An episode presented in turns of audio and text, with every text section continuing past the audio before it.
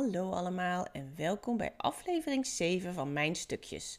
Een podcast over mijn leven met een chronische ziekte. Ik ben wat langer weg geweest dan de bedoeling was. We hebben hier in huis uh, alle drie flink de griep gehad. Wat bij mij resulteerde in een longontsteking. Dat is altijd leuk, want op het moment dat ik gewoon verkouden word, resulteert dat bijna altijd in een bijholteontsteking of een longontsteking. Ik zeg altijd, dat is een cadeautje van de MS. Maar goed, niks aan te doen. Inmiddels ben ik weer uh, opgeknapt. Heb ik een heel leuk evenement uh, op mijn werk achter de rug. Waar jullie ongetwijfeld in de toekomst nog meer van gaan horen. En ben ik klaar voor een nieuwe aflevering. Uh, even een reminder: bij de laatste aflevering lag ik nog altijd in het ziekenhuis. Dat is nu ook nog zo. En de stukjes die in deze aflevering aan bod komen, gaan vooral over het leven in het ziekenhuis en de gewoontes die daar in zo'n mini-samenleving een klein beetje ontstaan. Dus ben je bekend met af en toe uh, in het ziekenhuis liggen, dan komen deze dingen je wel bekend voor misschien. En lig je nooit in het ziekenhuis, dan kun je je misschien verbazen over de dingen die daar gebeuren. Zoal heel veel, heel veel plezier met luisteren.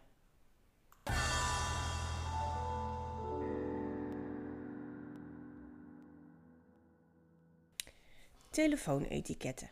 4 februari 2020. Toen ik meer dan tien jaar geleden ook al eens opgenomen was, lag ik op een vier- of zespersoonskamer. De tijd heeft het precieze aantal gewist. Er was toen één draadloze telefoon die we met de hele kamer moesten delen. Als er gebeld werd voor iemand, werd door de meest mobiele patiënt de telefoon naar het juiste bed gebracht. Mobiele telefoons waren in het hele ziekenhuis toch toen nog uit den boze. Gelukkig is dat tegenwoordig anders. Mijn telefoon is mijn levenslijn met de wereld buiten mijn bubbel. Zonder mijn telefoon zou de dag nog langer duren. Ik heb contact met dierbaren. Appen is veel makkelijker dan bellen. Kijk programma's terug, doe een spelletje, Candy Crush, en schrijf mijn stukjes. Er is ook een nadeel. Er is geen telefoonetikettenprotocol opgesteld. Dit betekent dat mijn kamergenootjes, alle ruim 70 plus en enigszins slechthorend, hun telefoon allemaal gewoon luidkeels af laten gaan. Vanaf 8 uur s morgens tot 10 uur s avonds gaan die dingen af. Ik denk dat degene aan de andere kant van de lijn ook niet de jongste zijn, want het aantal decibellen waarmee in die telefoon getetterd wordt is ook niet mis. Mijn overbuurvrouw maakt het nog bonter. Die heeft haar telefoon standaard op de luidspreker staan. Ik kan dus ook aan de andere kant het gesprek volgen. Gezellig. Ik weet dus dat ome Wil slecht gaat. Ze zijn begonnen met morfine. De BH's van mevrouw Smit liggen in de bovenste la en zijn wit met kant. En de dochter van mevrouw Jonkers is slecht in het opvoeden van haar kinderen en ga zo maar door. Toegegeven, soms moet ik inwendig wel even gniffelen. Ook kijken ze filmpjes op nu.nl zonder oordopjes. Altijd leuk om te horen dat ze een kathedraal hebben gebouwd van doornen. Vraagteken, uitroepteken, vraagteken. En hebben ze de geluidjes van de toetsen aanstaan. Waarom? Ik zelf heb mijn telefoon op trillen, dat maakt herrie zat en ik bel zo weinig mogelijk. Soms even een paar minuutjes met mijn kleine man. Verder zijn mijn kamergenootjes hartstikke lief hoor. Ze kletsen me niet de oren van het hoofd en laten me lekker met rust. Snurken doen ze wel, maar daar hoor ik met mijn oordopjes niets van, dus ze doen maar. Maar die telefoontjes? Poeh.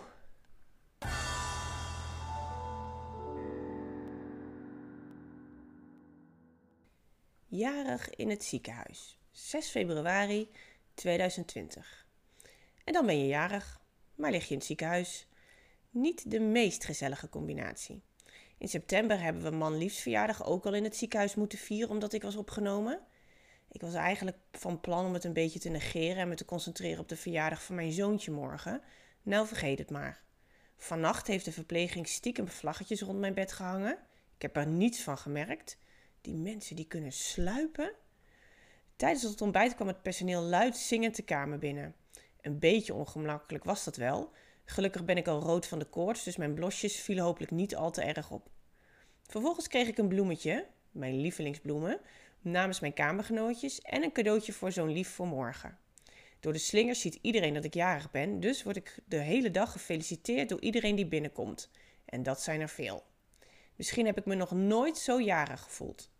Wat een liefde en aandacht geven ze me hier. Een dikke pluim voor alle verpleegkundigen. Mijn lieve vriendinnetje kwam gezellig even langs, met cadeautje. En in de middag mijn moeder en zoon, met zelfgebakken appeltaart voor de hele kamer. Ze hadden een wasmand, ik overdrijf niet, vol met cadeautjes bij zich. Ik heb heerlijk cadeautjes zitten uitpakken in mijn bed. Helaas was mijn maag ook in jubelstemming, dus die wilde geen appeltaart. Beetje jammer, maar ik hoorde dat hij heerlijk was. Kan ook niet anders, want moeders appeltaart. Na het eten kwam mijn lieve man langs. Zo heerlijk om eventjes met ons tweetjes wat tijd door te brengen. Even weer man en vrouw. Ik ben natuurlijk ook schandalig verwend door hem. Eigenlijk ben ik de hele dag verwend. Met alle aandacht, felicitaties en cadeautjes. Een beetje jammer is wel dat ze me het mooiste cadeautje niet hebben kunnen geven, namelijk weer naar huis gaan. Het mocht niet zo zijn. Dus blijven we braaf nog even. Ik wil jullie bedanken voor alle berichtjes die ik heb mogen ontvangen. Op het moment dat je dit hoort, is dat twee jaar geleden en ik zou me niet al te erg aangesproken voelen. Ik heb er de hele dag druk mee gehad om ze te lezen. Ze hebben mijn verjaardag feestelijk gemaakt. Ik kan wel zeggen dat dit een onvergetelijke verjaardag was, maar nooit meer graag.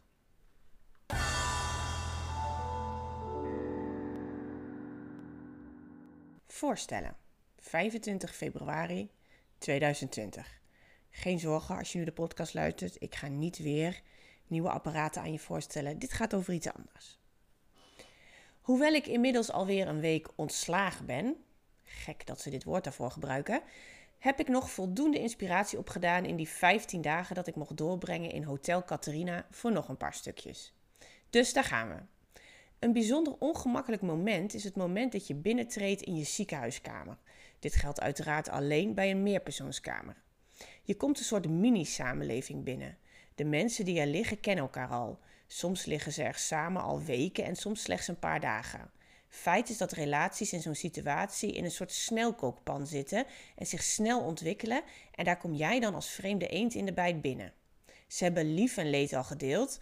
Het begin is nog relatief eenvoudig, want een simpel goedemorgen of goedemiddag, afhankelijk van het tijdstip op de dag, de, volstaat. Maar dan, loop je naar iemands bed om je voor te stellen, zwaai je een keer en noem je je naam, doe je niets en doe je net of je er niet bent en negeer je iedereen een beetje. Heb je dit dilemma eenmaal opgelost, dan volgt al snel het volgende. Wat hebben die mensen? Iedereen die in het ziekenhuis ligt, wil van elkaar weten waarom de andere ligt en vooral ook hoe lang al. Maar wie brengt het te sprake en hoe snel doe je dat? Hoe ik het heb opgelost?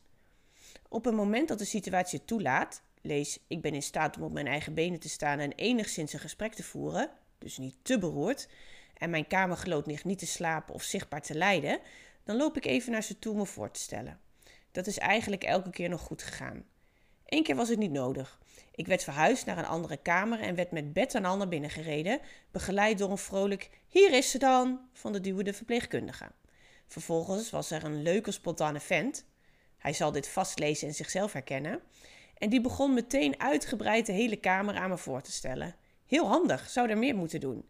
Ik was meteen op de hoogte en het ijs was gebroken. Het bleef nog lang gezellig op kamer 4.59. En wat betreft dilemma 2, wat iedereen mankeert? Nou, daar kom je eigenlijk vanzelf al achter. Het komt vanzelf een keer te sprake. Nieuwsgierigheid ook weer bevredigd.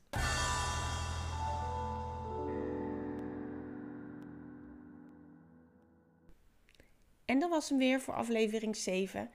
Ik hoop dat je het leuk hebt gevonden, dat je misschien een beetje hebt moeten lachen of dat je de de awkwardness af en toe even hebt gevoeld. Hè? Het onbehagen en de gêne in sommige situaties. Dat je niet weet wat je ermee aan moet. Ik ben blij dat je hebt geluisterd. Ik hoop dat je je wil abonneren. Zodat je me kunt blijven volgen. En ik wil ook heel graag weten wat je van mijn podcast vindt. Vind ik altijd leuk. Dus laat een reactie achter op een van mijn social media kanalen. Als je me wil volgen op Instagram kan dat via Nanda Velderhof. Dankjewel voor het luisteren en tot de volgende aflevering.